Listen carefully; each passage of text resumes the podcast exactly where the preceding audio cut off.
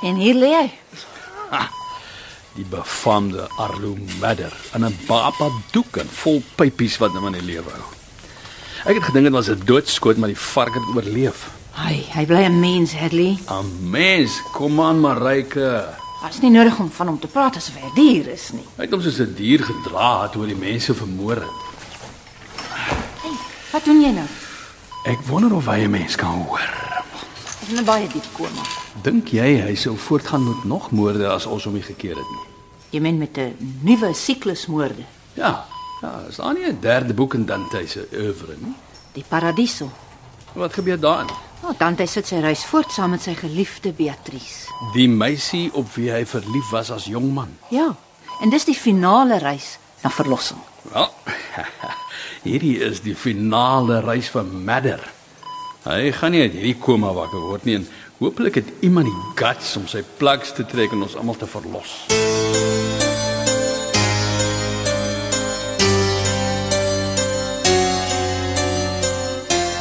U hoor vandag die eerste episode van Paradiso deur Charles Jefouri.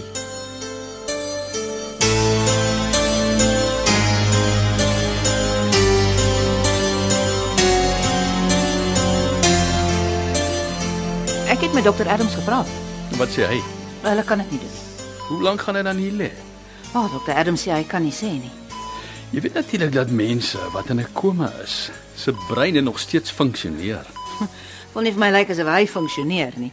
Hoekom dink jy hou hulle hom aan die lewe? Weet jy, as sy brein funksioneer, dan is hy hopelik in die hel, Haha, die inferno. Of wat matter? ja, of die purgatorio. As jy nog daar binne is, Arlo Madder, hoop ek jy hou lekker vakansie, ou maat, en moenie terugkom nie. Hy dink jy nou regtig hy kan jou hoor, Hadley? Miskien lê hy daar binne in die inferno of purgatorio van sy verlede en speel sy sondes voor hom af soos 'n fliek.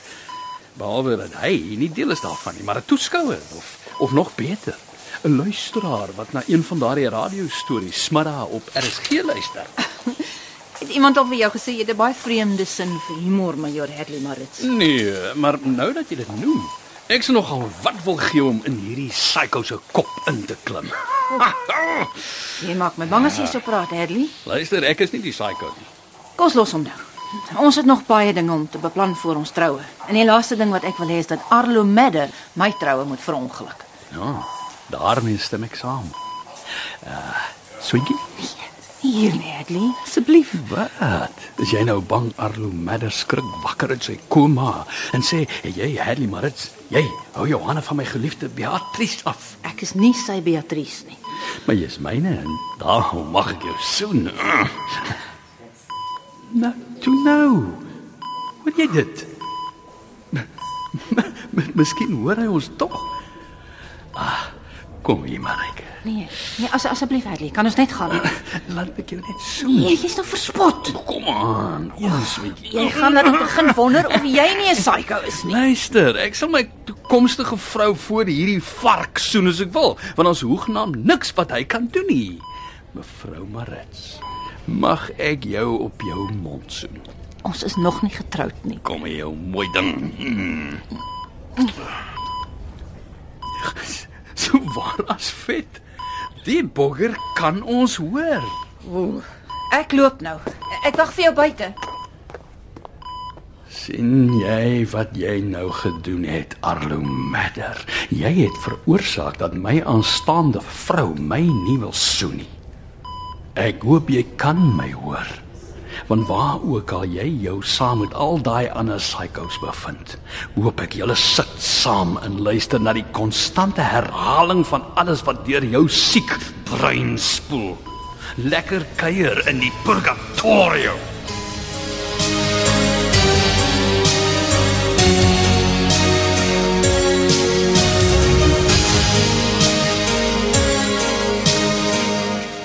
Ek dink dit is tyd dat ons skoot van Tonder en Radamer inbring Oscar. Ons het genoeg om hulle vir lank te laat sit. Jy weet steeds nie wie hulle met daai bomme teiken nie. Nee, maar solank ek nog die rekrute vir hulle oplei, sal hulle nie oorgaan tot aksie nie. Wat van Tinus? Ons kan hom maar uitkry as julle ons die plek inval. Dit sal 'n klein oorlog tot gevolg hê. Want ek kan probeer om Koet te isoleer. Wat wil Merits en Marika van ons hê?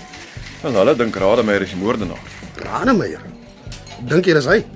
Wel, hy's nie die tipe nie, maar Wat's dit nou? die ou wat nou net daar ingestap het by die deur met die swart leerbaadjie aan. Maar dis Rademeier. Ek hoop jy sien ons nie. Wat soek hy hier? Wag, kom hoor. Ah, middag Frans. Giel, ehm dis uh Ek weet wie hy is. Nou, ons het mekaar nog nooit ontmoet nie. Hy is hier ja, versmoes van die Kaap af nou. ja, ek ek is ja. Ja, Net jammer. eh, Frans van Soeman Vest is daar. wat wil jy hê, Giel? Ek bring vir jou 'n boodskap. Wat 'n boodskap. Die wiel het begin rol, Frans. Waarvan praat jy, Giel?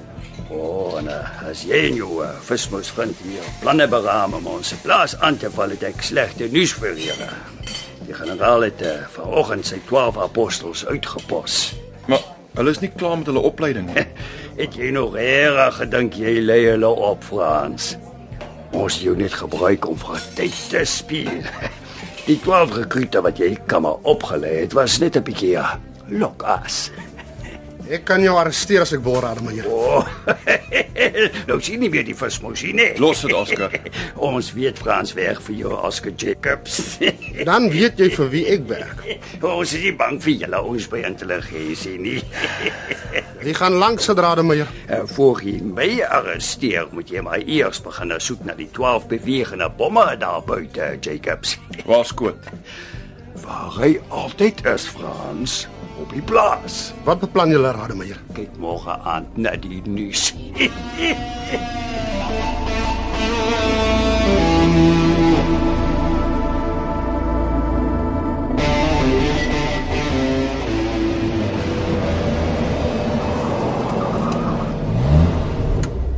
Moet jy ons nie inbring voor ek uitgevind het waar hulle vir Tinus aanhou nie, Oscar. Asseblief. Julle sal hom nie kry nie. Hou jou smoel, Rademeier. Ek sê jy laat weet. Wees versigtig, Frans. En werk sy gil vir hom. O, ek sal. Glo my. Ek sal. As Melanie generaal gaan probeer konfronteer, dan stap hy in die leeuse bek in. Ons is voorberei op alles. Ek haal nou daai boeie van jou gewrigte af en prop hulle in jou bek en Rademaier.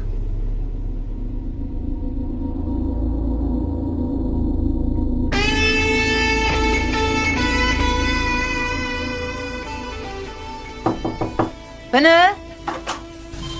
Slegte nuus. Wat wat het gebeur? Hulle het Botha se lyk gekry teen Tafelberg. Dieselfde modus operandi.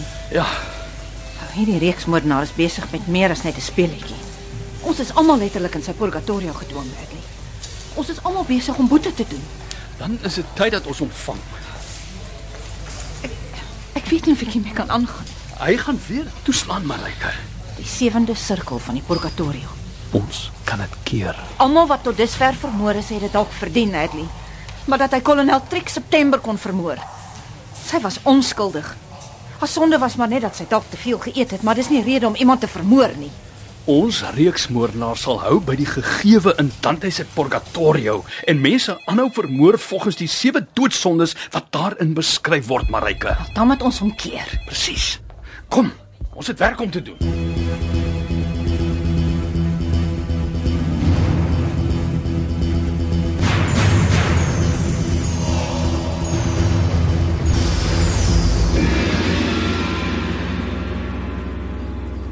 Kom binne Frans. Is jy gewapen? Nee. Waar is almal? Ons het laas nag ontruim. Dis vinnig. 6 jaar se beplanning soos jy weet. Was nie moeilik om alles hier weg te kry nie. Ons het die manskappe onthou, En al die wapens versteek. op die plaas. Natuurlik nie. Rademeier is ingevat. Ek weet ons het dit ook so beplan. En die asemane kon hom maar ondervra. Hulle gaan niks uit hom kry nie. En die plaas is skoon behalwe vir die kamp. Maar dit is mos 'n jeugkamp vir verloopte jong mense. Jy het my om die bos gelyk word. Jy het jouself van die bos gelei, Frans. Jy het die hele tyd geweet wie ek is. Ja, ek het geweet vir wie jy werk. En is dit hoekom jy my betrek het? Jy weet seker nou al jy was die lokaas. Ja. Ek was dom genoeg. Ek weet alles van jou van die begin af. Hoe jy destyds by moord en roof weggesom en jy dit nie kon hanteer nie. Ek is op vroeë aftrede daar weg. Ek dink dis oor jy gesukkel het om saam met daardie jong kapteintjie te werk. Wat sal nou? Haar naam is kaptein Marike Lou. Sy stel profile saam. Kom ons los hy uit. Ek het gehoop jy sal die lig sien hier by ons Frans. Besef dat ons vir 'n groter ideaal baklei in die vryheid van ons volk. Ag, jy leef in die verlede koot. Ten minste leef ek nie in 'n reënboog illusie nie. Ek het jou gesê die oorlog is lankal verby. Die oorlog soos ons dit destyds geken het is verby Frans. Die nuwe oorlog wat die linkses en liberales teen ons mense veg het 'n ander dinamika aangeneem. Ag, los die groot woorde asseblief. Die nuwe oorlog in die wêreld is nie meer gefokus op lande of rasse of soldate met gewere wat te mekaar veg nie.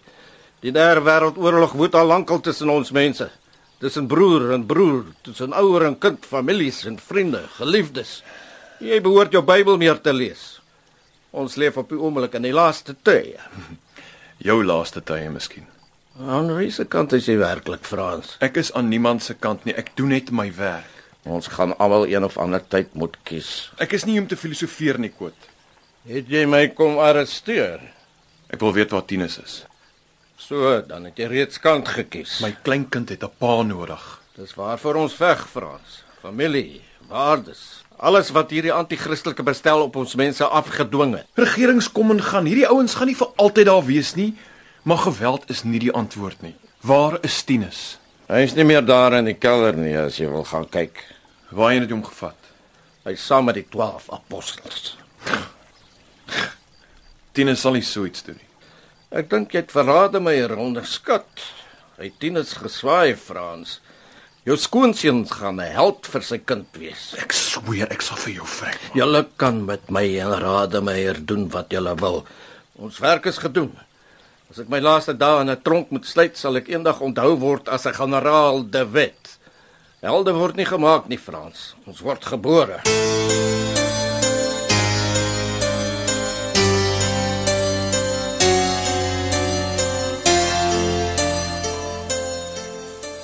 So, jou hartjie klop nou weer rustig middag. Slaap maar sag in jou koma, want die paradiso gaan jy nooit sien. Kom Hadley, ons moet ry. Lekker verder droom, Madder.